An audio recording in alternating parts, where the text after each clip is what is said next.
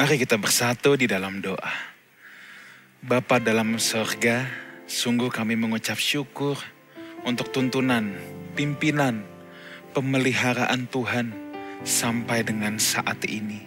Mari Bapa, terus berbicaralah kepada masing-masing kami.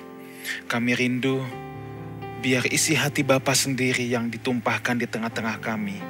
Roh Kudus, Engkau guru kami yang agung, mengajarlah di tengah-tengah kami. Dalam nama Tuhan Yesus, kami berdoa. Amin. Shalom, Lifehouse Family. Happy New Year. Selamat tahun baru. Saudaraku, tentunya di tahun baru ini setiap orang biasanya memiliki harapan-harapan yang baru. Sekali lagi saya ingatkan bahwa sebenarnya bagi Tuhan tahun 2020 dengan tahun 2021 sama saja. Target Tuhan hanya satu, bahwa kita semakin menyerupai gambarannya. Saudaraku, pada kesempatan ini saya ingin membagikan kebenaran firman Tuhan tentang promise and fulfillment, tentang janji dan penggenapannya Biasa di awal tahun ini ada banyak orang sibuk mencari-cari ayat-ayat di mana ada janji Tuhan. Orang-orang sibuk untuk mengklaim janji Tuhan, untuk mengharapkan janji Tuhan terjadi pada kehidupannya. Memang harus saya akui bahwa Tuhan kita adalah Tuhan atas perjanjian, God of Covenant. Sejak di Taman Eden, ia membuat Edenic Covenant. Dengan Nuh, dia membuat Noah covenant. Dengan Musa, dia juga membuat perjanjian. Allah kita, Allah yang membuat perjanjian-perjanjian dengan umatnya. Tetapi sekarang yang saya harus persoalkan adalah, apa sih sebenarnya janji Tuhan untuk orang percaya?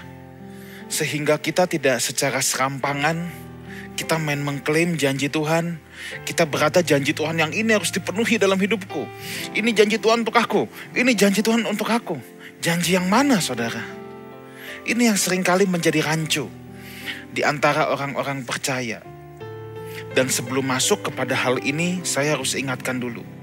Tidak ada satu ayat pun dalam Alkitab yang mengajarkan, yang menyatakan bahwa kita boleh mengklaim janji Tuhan atau harus mengklaim janji Tuhan. Istilah klaim itu kan sebetulnya populer di tengah-tengah perusahaan asuransi, saudara. Saya tidak berkata asuransi itu buruk. Saya juga tidak berpikir bahwa asuransi itu buruk. Baik untuk saudara punya asuransi di hari-hari begini, saudara ya. Entah asuransi kesehatan dan lain sebagainya. Tetapi saya harus katakan buat saudara, istilah klaim itu tidak cocok kalau kita mau kenakan sama Tuhan. Sebab kalau kita kenakan klaim janji Tuhan, seakan-akan kita mencurigai Tuhan. Seakan-akan kita perlu mengingatkan Tuhan. Seakan-akan kita berkata bahwa Tuhan pelupa atau Tuhan hendak menipu kita. Jadi perkataan klaim itu sendiri sebetulnya tidak cocok saudara. Kalau kita lekatkan kepada Tuhan. Nah, kita mulai masuk kepada topik pembahasan kita. Kebanyakan orang main mengklaim janji Tuhan atau membaca Alkitab. Dia lihat setiap Tuhan berkata apa pun, dia klaim itu langsung. Sebagai sesuatu yang dianggap miliknya, kepunyaannya. Dan kebanyakan praktek-praktek seperti ini yang dicomotin adalah ayat-ayat perjanjian lama Contohnya, kekayaan bangsa-bangsa akan diberikan. Yaitu dalam kitab Yesaya, saudara. Padahal itu adalah janji Tuhan kepada bangsa Israel pada saat itu, saudara. Dan kalau saudara melihat dari zaman kitab kejadian, ada begitu banyak janji Tuhan kepada Abraham, kepada kaum keturunannya. Lalu kalau saudara masuk kepada kitab keluaran, kitab bilangan, ulangan, kitab Yosua, hakim-hakim, Yesaya, saudara akan menemukan banyak janji Tuhan. Tetapi kita harus jeli dan melihat bahwa ada begitu banyak janji Tuhan dalam perjanjian lama yang kalau saudara lihat isinya itu bukan buat saudara. Mungkin saudara berkata bahwa kalau bukan buat saya untuk apa itu ditulis? Oh ya. Alkitab itu ditulis satu memang sebagai pelajaran-pelajaran, pelajaran rohaninya yang harus kita ambil. Dua, memang ini juga bukan buku sejarah, tetapi di dalamnya memang harus menceritakan sejarah yang terjadi. Alkitab itu bukan buku sejarah sehingga kita ambil semua tahun acuan detail-detail, angka-angka detail. Ini kan bukan buku statistik. Tetapi di dalamnya memang termuat sejarah, jadi mau nggak mau harus ditulis. Tetapi kita harus jeli melihatnya, Tuhan sedang menyampaikan hal-hal ini kepada siapa dan apa isinya dan apa maksud Tuhan menyampaikan itu. Nah, saya kembali lagi kenapa orang-orang Kristen, tidak semua saudara. Banyak yang suka mengklaim atau mendeklarasikan apa yang dikatakan dalam perjanjian lama sebagai janji Tuhan untuk hidupnya. Jarang sekali yang mendeklar dari kita perjanjian baru. Kenapa? Sebab dalam perjanjian lama kalau kita lihat janji-janji Tuhan kepada bangsa Israel, memang hal-hal materi saudara entah itu panen, jarahan perang, tanah, ternak, dan lain sebagainya. Tetapi ini berbeda sama sekali dengan perjanjian yang baru. Kenapa dalam perjanjian yang lama barang-barang itu hal-hal jasmani, tanah, ternak, panen, dan lain sebagainya? Ini yang harus kita mengerti kalau Elohim Yahweh memberikan hal tersebut kepada umat perjanjian lama bangsa Israel pada saat itu. Hal ini disebabkan sebab mereka umat pilihan. Nah, nanti saya harus bahas lagi apa itu umat pilihan. Umat pilihan, keberadaan umat pilihan untuk orang Israel dan untuk kita umat perjanjian baru sebagai umat pilihan itu berbeda saudara. Untuk orang-orang Israel perjanjian lama, umat pilihan artinya Mesias akan lahir dari keturunan bangsa Yahudi. Bukan orang Arab, bukan orang Cina, bukan orang Manado, bukan orang Indonesia, bukan orang bule, tapi bangsa Yahudi. Artinya mereka dipilih menjadi nenek moyang Mesias. Tuhan kita Yesus Kristus ketika Tuhan Yesus datang ke bumi. Dan di sana dicatat saudara bahwa Mesias harus lahir dari keturunan Raja Daud. Israel akan menjadi suatu kerajaan. Nah, jadi kalau saudara bayangkan sebuah kerajaan, kalau zaman sekarang mungkin sebuah negara lebih gampang kita bayangkan. Sebuah kerajaan itu harus memiliki wilayah. Harus punya tanah dong, kalau enggak rakyatnya mau tinggal di mana, masyarakatnya mau hidup di mana, harus ada teritori. Lalu sebuah kerajaan juga pasti harus punya kekayaan, harus punya harta benda. Dan harta benda pada zaman itu ya hasil panen, ternak, dan lain sebagainya. Untuk apa kekayaan materi itu bagi sebuah negara atau sebuah kerajaan? Ya untuk keberlangsungan negara tersebut, kerajaan tersebut. Itulah sebabnya Mesias yang harus dari keturunan Yehuda Raja Daud, Israel harus menjadi sebuah negara, sebuah kerajaan yang memiliki wilayah. Nah, berbeda dengan zaman Perjanjian Baru, kita juga disebut sebagai umat pilihan, tetapi ini udah berbeda total. Kalau PL tadi dipilih maksudnya menjadi nenek moyang Mesias. Kalau umat PB dipilih untuk apa? Untuk boleh mendengar Injil untuk boleh menerima Roh Kudus. Di mana tujuannya apa? Kita diubah karakternya seperti Kristus dan akan mewarisi tanah perjanjian Kanaan sorgawi atau langit yang baru dan bumi yang baru. Mereka dikasih tanah. Tadi saya sudah katakan kalau Israel. Tapi tanahnya itu adalah tanah perjanjian atau tanah Kanaan perjanjian lama. Kanaan duniawi. Kalau orang percaya juga diberikan tanah perjanjian. Tetapi tanah perjanjian kanaan sorgawi. Semenjak kedatangan Mesias ke bumi, orientasi janji Allah itu berubah saudara. Dari yang kepada hal materi, sebab harus menjadi kerajaan sampai Mesias lahir. Begitu Mesias lahir, orientasi Tuhan beda. Tadi saya katakan, orientasi Tuhan adalah atau janji yang diberikan untuk umat perjanjian baru adalah tanah kanaan sorgawi. Jadi orientasi Tuhan sekarang untuk umat perjanjian baru adalah mempersiapkan umat pilihan perjanjian baru untuk boleh mendiami kanaan sorgawi. Untuk boleh mendiami kanaan sorgawi. Itu orientasi Tuhan sekarang. Jadi ini bukan lagi soal perkara jasmani. Tapi bangsa Israel itu kan terlanjur mengenal Mesias itu dalam koridor yang jasmani. Secara duniawi. Maka ketika Yesus datang sebagai anak manusia biasa, anak tukang kayu, mereka nggak bisa terima. Makanya mereka berkata, bukankah ia ini ia ini anak tukang kayu? Kok beda sih sama di bayangan kita kalau Mesias mah bukan begini katanya. Ini mah anak tukang kayu, pasukan nggak punya, kerajaan nggak punya, kekayaan nggak punya, gimana bisa menyelamatkan kita dari penjajahan Romawi itu lihat. Mereka punya gambaran Mesias versi dirinya sendiri. Versi apa yang dia anggap itu Mesias. Nah, di sini saya harus mengingatkan jemaat Lifehouse Community, jangan sampai kita memiliki gambaran Mesias versi kita sendiri.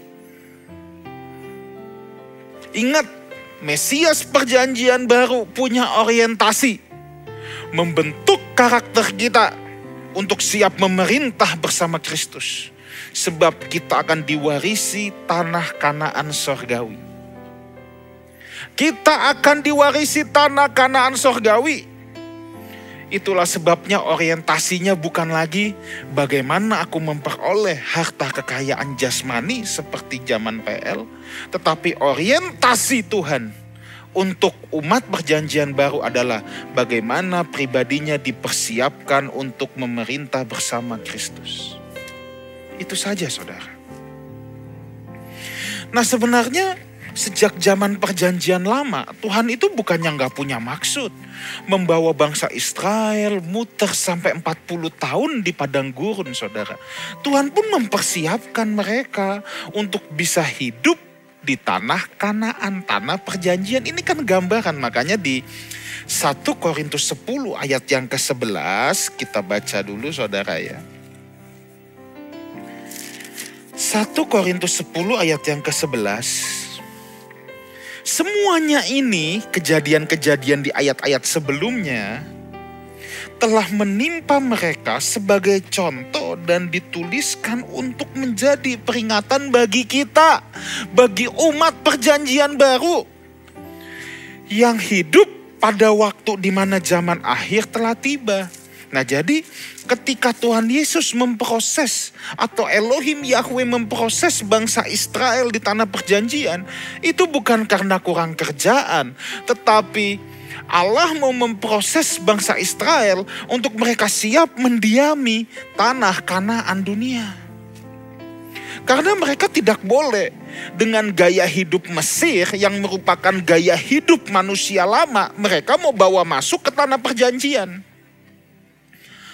Akhirnya mereka nggak sanggup untuk itu. Sekalipun status mereka sebagai umat pilihan, mereka tidak boleh masuk ke dalam kanaan dunia. Yang boleh masuk hanya Yosua dan Kaleb. Karena hanya dua orang itu yang sanggup meninggalkan cara hidup Mesir, meninggalkan pola berpikir Mesir, meninggalkan attitude-attitude Mesir. Demikian juga umat pilihan perjanjian baru. Kalau saudara punya kesempatan mendengar Injil menjadi Kristen, jangan keburu cepat senang dulu saudara. Jangan keburu hore. Aku sudah Kristen. Oh itu patut kita syukuri. Tapi setelah jadi Kristen mau apa? Sekarang setelah jadi Kristen Tuhan mau melatih kita supaya kita siap mendiami tanah kanaan sorgawi. Dan untuk ini kita harus meninggalkan dalam tanda petik Mesir kita atau cara hidup kita yang lama. Itu gambaran Mesir, itu gambaran manusia lama kita harus kita tanggalkan. Kalau enggak Israel sebagai suatu peringatan yang punya status umat pilihan pun tidak boleh masuk ke dalam tanah kanaan dunia. Orang Kristen juga akan diperlakukan sama kalau kita tidak bisa meninggalkan manusia lama kita, maka Tuhan tidak bisa mengizinkan kita untuk memasuki tanah kanaan sorgawi.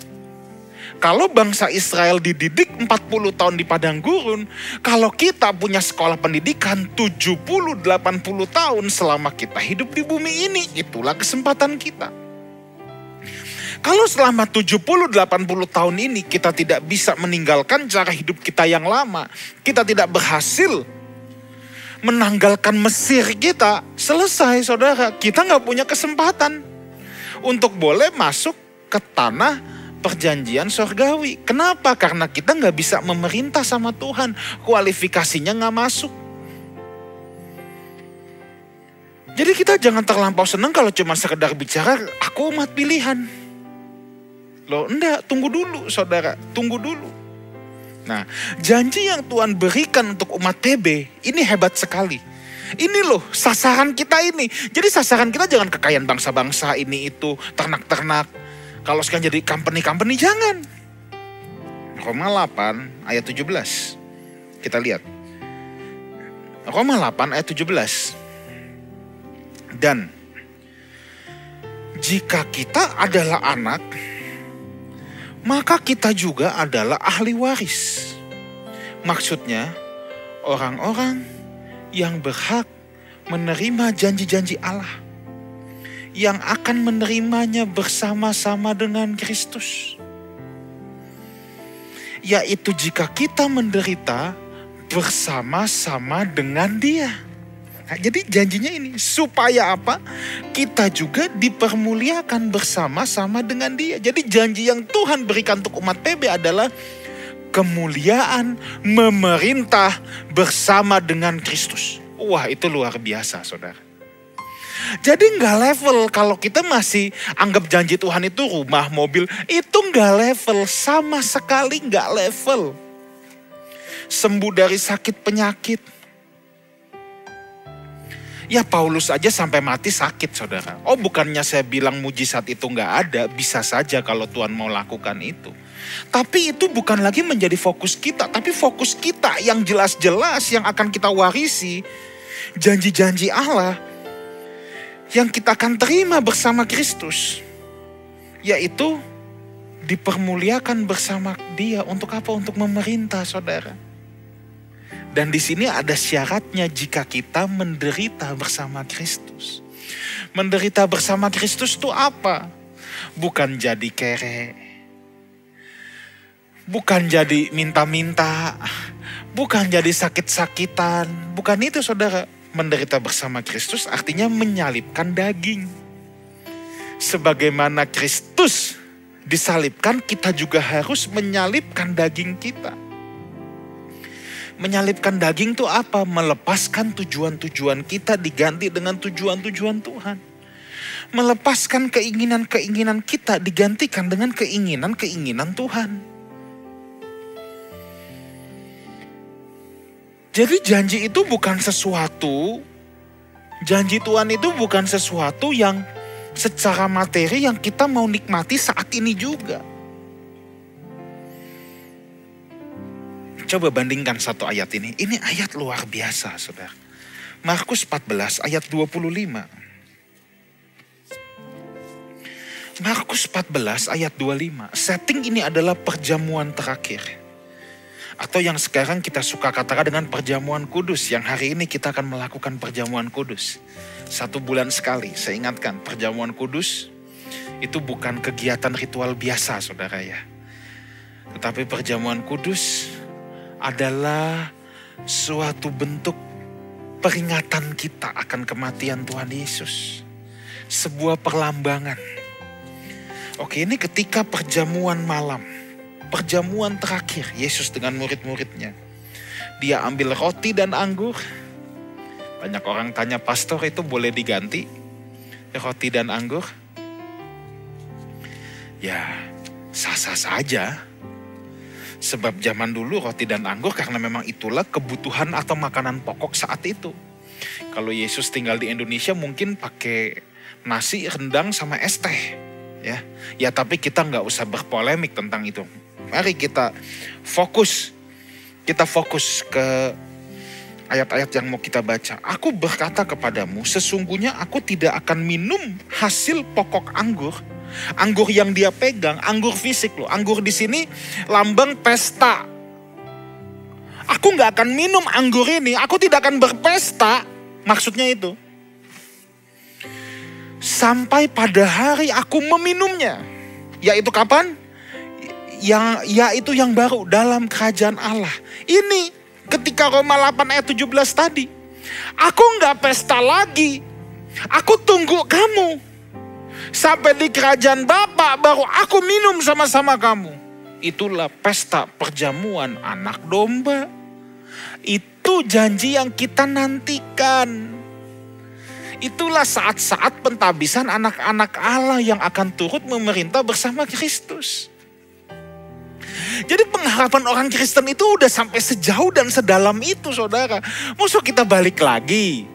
Yang diurusin rumah, mobil, kalau rumah mobil kita kerja baik-baik, bisa punya, nggak punya pun nggak masalah. Tapi kalau buat kita sekarang lihat Tuhan aja bilang, aku tunda pestaku, aku tidak berpesta dulu. Aku tunggu kamu sampai di kerajaan Bapakku. Yuk kita minum sama-sama nanti. Di sini lambang, yuk kita rayakan sama-sama. Ini kan luar biasa saudara.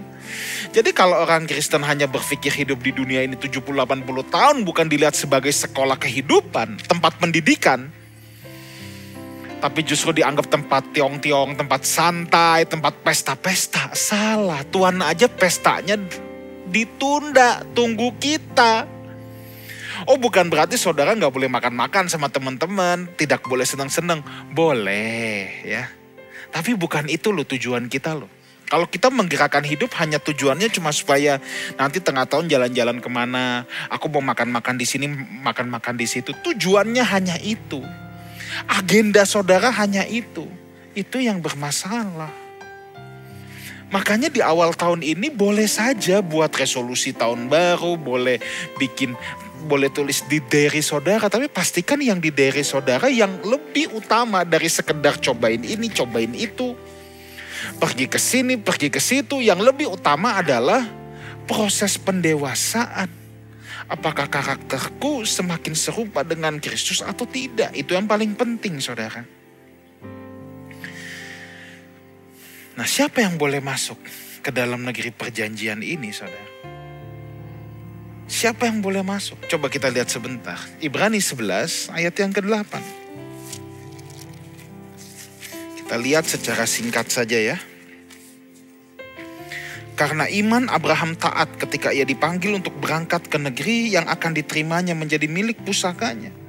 Lalu ia berangkat dengan tidak mengetahui tempat yang ia tujui. Abraham dipanggil Tuhan untuk pergi ke suatu tempat. Iya. Orang menganggap ini kanaan. Oke, tapi kanaan yang mana? Kalau kanaan dunia, Abraham sudah sampai di sana. Kitab kejadian 12 tulis itu. Abraham sudah sampai di kanaan. Tapi masalahnya, Abraham bilang, dia tetap merasa sebagai orang asing. Seolah-olah di suatu tanah asing sudah sampai kanaan, tapi masih merasa asing. Kenapa? Sebab ia menantikan kota yang mempunyai dasar yang direncanakan dan dibangun oleh Allah terlihat. Yang Abraham nantikan adalah langit yang baru dan bumi yang baru saudara. Jadi sebenarnya janji pada perspektif kekekalan itu sejatinya bukan dimulai dalam perjanjian baru.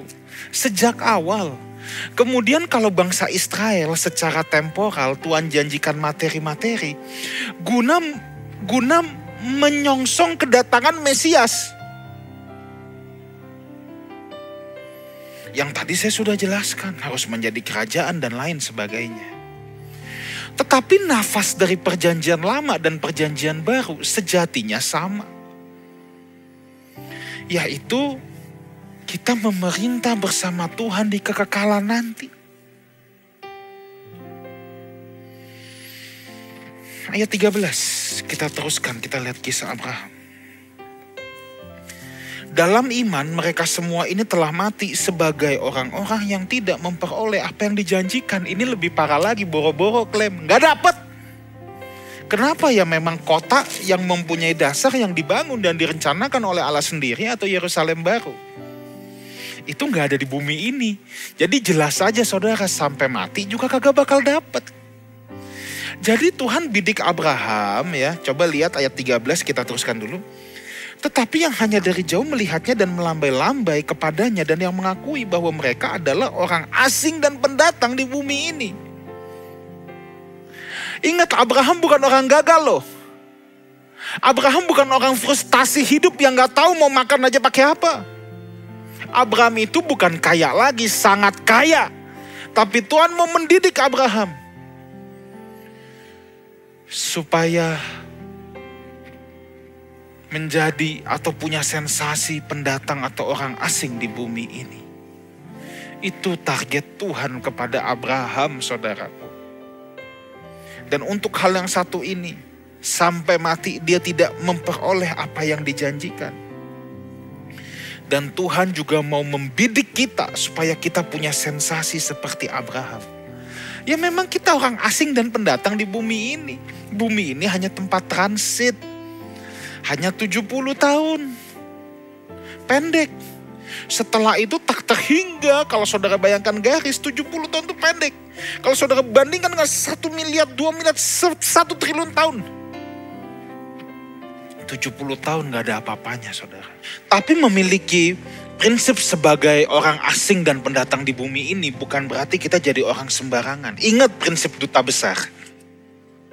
Kita ini face-nya kerajaan Allah Jangan sampai kita mempermalukan Tuhan.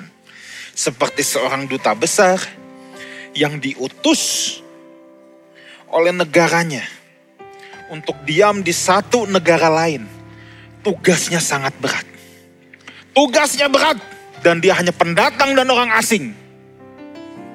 Dia tidak boleh mengingini kewarganegaraan negara di mana dia diutus. Dia harus datang sebagai punya sensasi aku orang asing dan pendatang. Tapi aku harus semangat. Sebab aku mewakili negara yang mengutus aku. Aku harus berprestasi. Aku nggak boleh bermalas-malasan. Kalau aku belum di recall, aku belum selesai tugas. Aku kerjakan sebaik-baiknya. Itu duta besar. Nah kita juga sama, kita duta besar kerajaan Allah. Jangan cepet-cepet mau pulang. Kalau waktu kita belum habis. Ya tapi kan gak ada yang tahu kapan waktu kita habis. Oh betul, kematian gak ada MOU. Waktu kita habis ketika kita dipanggil Tuhan. Persoalannya bukan sekedar mati untuk Tuhan, tapi kita mau hidup buat Tuhan gak? Mati untuk Tuhan, satu kali hidup buat Tuhan, setiap detik. Perlu konsistensi, perlu komitmen, Sebab kita yang membawa panji-panji kerajaan Allah. Jangan sampai kita mempermalukan kerajaan Allah. Ya, jangan sampai kita mempermalukan kerajaan Allah. Jadi sebagai duta besar kalau kita masih diberikan kesempatan hidup berarti kerajaan yang mengutus kita, kerajaan Allah masih kasih kita waktu. Ya udah kita berbuat saja, berkarya saja. Tunjukkan kualitas hidup kita lewat karya dan kerja nyata kita. Bukan sekedar wacana omongan. Tunjukkan seperti Bapak Presiden kita. Kerja, kerja, kerja, dan kerja.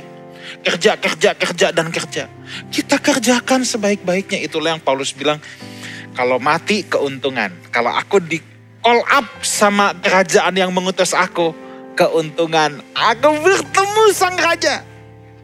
Tapi kalau aku masih hidup, aku bekerja memberi buah. Nah kita harus punya semangat yang sama saudara. Kita ini showcase-nya, kita ini showcase kerajaan Allah. Ya kita harus well perform karena kita mewakili kerajaan Allah dan kita showcase-nya. Orang tidak bisa melihat kerajaan, kerajaan Allah tuh kayak apa sih? Tidak kelihatan, ya kita showcase-nya. Orang melihat kita harus bisa melihat kerajaan Allah, saudara. Kalau kita hidup jadi parasit buat orang lain, hidup tidak produktif, bagaimana kita bisa jadi showcase?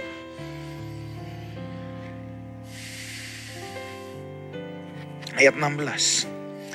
Tetapi sekarang mereka merindukan tanah air yang lebih baik, yaitu satu tanah air surgawi. Sebab itu Allah tidak malu disebut Allah mereka. Karena ia telah mempersiapkan sebuah kota bagi mereka. Artinya apa? Abraham di ayat ini merindukan tanah air yang lebih baik. Dia menyadari dunia ini memang bukan rumahnya.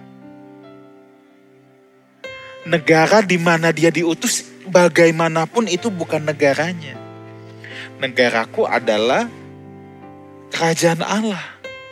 Tapi kalau aku lagi diutus, aku harus well perform. Tapi kesadaran ini, kita harus tetap ingat bahwa sebuah kerajaan yang mengutus kita di sana jauh lebih indah. Nah, janji dan penggenapan Tuhan dalam hidup kita harus dilihat dari koridor perspektif ini, saudara. Jangan dilihat dari koridor dan perspektif yang lain. Dunia ini bukan rumah kita. Tetapi kita harus melihat orientasi Tuhan kepada janji yang mana. Janji memerintah bersama dia. Mewarisi langit yang baru dan bumi yang baru. Itu yang Tuhan mau berikan untuk saudara. Jadi Lifehouse Community kita harus cerdas Jangan main klaim-klaim janji Tuhan. Klaim janji Tuhan tidak patut dikenakan kepada Tuhan sendiri. Dan bukan soal jasmani lagi, bukan soal materi lagi.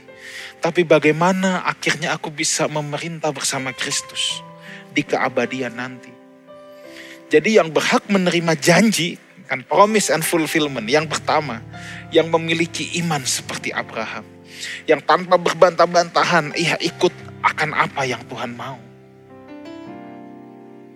ini bukan iman yang ngatur Tuhan, tapi iman yang menuruti kemauan Tuhan. Yang kedua, yang berhak menerima janji adalah yang tadi kita baca di Roma 8 ayat 17. Yaitu orang-orang yang menderita bersama Kristus. Yaitu artinya orang-orang yang menyalipkan daging, yang melepaskan tujuan hidupnya, digantikan dengan tujuan Tuhan dalam hidupnya. Yang menggantikan keinginannya, diganti menjadi keinginan Tuhan dalam hidupnya. Saya berdoa, Lifehouse Community memiliki pandangan yang tepat tentang apa yang Tuhan janjikan dan penggenapannya. Ketika saudara menjadi showcase kerajaan Allah, di situlah janji Tuhan dalam amanat agung Matius pasal yang ke-28 ayat yang ke-20 dan ketahuilah Aku menyertai kamu sampai kesudahan zaman. Itu konteksnya penginjilan. Itu konteksnya kita menjadi showcase dari kerajaan Tuhan. Ketika kita diutus menjadi duta-duta kerajaan Allah. Di situlah ada janji Tuhan yang akan menyertai kita sampai kesudahan zaman. Sampai masa tugas kita selesai. Itu ada janji Tuhan di sana penyertaannya selalu sempurna. Hidup boleh berat, musim-musim kehidupan boleh berat. Tapi kalau saudara seorang utusan, saudara bisa melihat bagaimana Tuhan memelihara saudara. Bagaimana Tuhan memperlengkapi saudara, bagaimana Tuhan menyertai hidup kita. Di sanalah ada janji Tuhan dan penggenapannya. Mari kita persiapkan hati kita untuk bisa mempersiapkan hati dan hidup untuk bisa memerintah bersama Kristus. Kita berdoa, kita siapkan hati kita untuk masuk ke dalam perjamuan Tuhan. Bapa dalam surga, hambamu terbatas dalam berkata-kata. Sekarang kami mau masuk ke dalam perjamuanmu, ke dalam perjamuan Tuhan. Kami berdoa perjamuan ini bukan sakramen rutin biasa, Tetapi perjamuan yang akan kami selenggarakan ini mengingatkan kami akan perbuatan tangan Tuhan yang ajaib, mengingatkan kami akan kebaikan Tuhan dalam hidup kami, mengingatkan kami akan pengorbanan Kristus di atas kayu salib, mengingatkan kami akan kewajiban kami juga harus menjadi berkat. Bapak, kalau ada hal-hal yang tidak berkenan, sering kali kami melukai hati Bapak. Kami mohon ampun. Kami mohon pengampunan. Kami tidak layak di hadapan Bapa. Terima kasih, terima kasih. Dalam nama Tuhan Yesus, kami berdoa. Saudara, kita siapkan roti dan anggur yang saudara sudah persiapkan. Mungkin bisa diganti dengan biskuit, crackers, anggur. Saudara mungkin kalau nggak ada wine bisa mengganti dengan Fanta, dengan teh, dan lain sebagainya. Perjamuan Tuhan ini adalah lambang. Lambang bahwa tubuh Kristus dipecah-pecahkan. Dan ketika kita memakan perjamuan ini, kita juga mengingat bahwa hidup kita harus menjadi roti yang terpecah dan anggur yang tercurah untuk sesama. Ingat, kita showcase-nya kerajaan Allah. Mereka tidak bisa melihat Yesus, tetapi mereka bisa melihat Yesus dalam hidup kita. Mari kita angkat roti di tangan kanan kita. Demikianlah firman Tuhan yang terambil dari 1 Korintus 11 ayat yang ke-23. Sebab apa yang telah kuteruskan kepadamu telah aku terima dari Tuhan, yaitu bahwa Tuhan Yesus pada malam waktu ia diserahkan, ia mengambil roti dan sesudah itu ia mengucap syukur atasnya. Ia memecah-mecahkannya dan berkata, Inilah tubuhku yang diserahkan bagi kamu. Perbuatlah ini menjadi peringatan akan aku. Bukankah roti yang kita pegang ini adalah lambang dari tubuh Kristus? Mari kita makan dalam iman bahwa kita bersekutu dengan tubuh Kristus dalam nama Tuhan Yesus.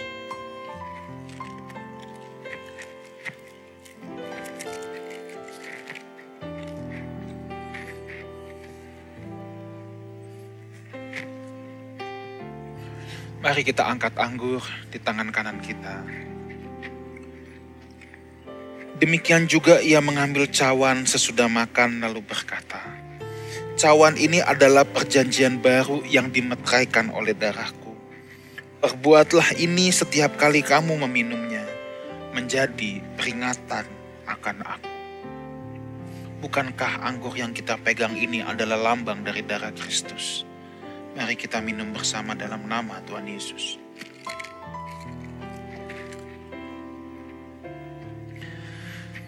Kita naikkan syukur kita, kita ambil waktu beberapa saat ini. Terima kasih Tuhan, terima kasih. Haleluya. Haleluya. Terima kasih untuk persekutuan dengan tubuh dan darah. Terima kasih untuk pengorbananmu di atas kayu salib. Kami mau pastikan pengorbananmu menebus kami tidak pernah sia-sia. Kami tidak mungkin bisa membalasnya selain kami mempersembahkan hidup kami ke hadirat Tuhan yang Maha Kudus. Terima kasih Bapa, terima kasih. Terima kasih. Sekarang saudaraku, angkatlah kedua belah tanganmu dan terimalah berkat Tuhan. Kiranya diberkatilah usahamu, diberkatilah pekerjaanmu, diberkatilah keluar masukmu. Diberkatilah apa pun yang kau lakukan dan kerjakan Sebab engkau lakukannya untuk kemuliaan nama Tuhan. Kiranya berkat dari tempat yang maha tinggi dari Allah Bapa. Cinta kasih-kasih karunia dari Tuhan kita Yesus Kristus. Dan persekutuan yang indah dan yang manis dengan roh kudus. Kiranya menyertai kita. Sampai Maranatha Tuhan Yesus datang untuk yang kedua kalinya. Menjemput orang-orang yang hidupnya berkenan di hadapannya. Sama-sama kita katakan, amin. Tuhan Yesus menyertai kita semua. Haleluya. Happy New Year. God bless you all.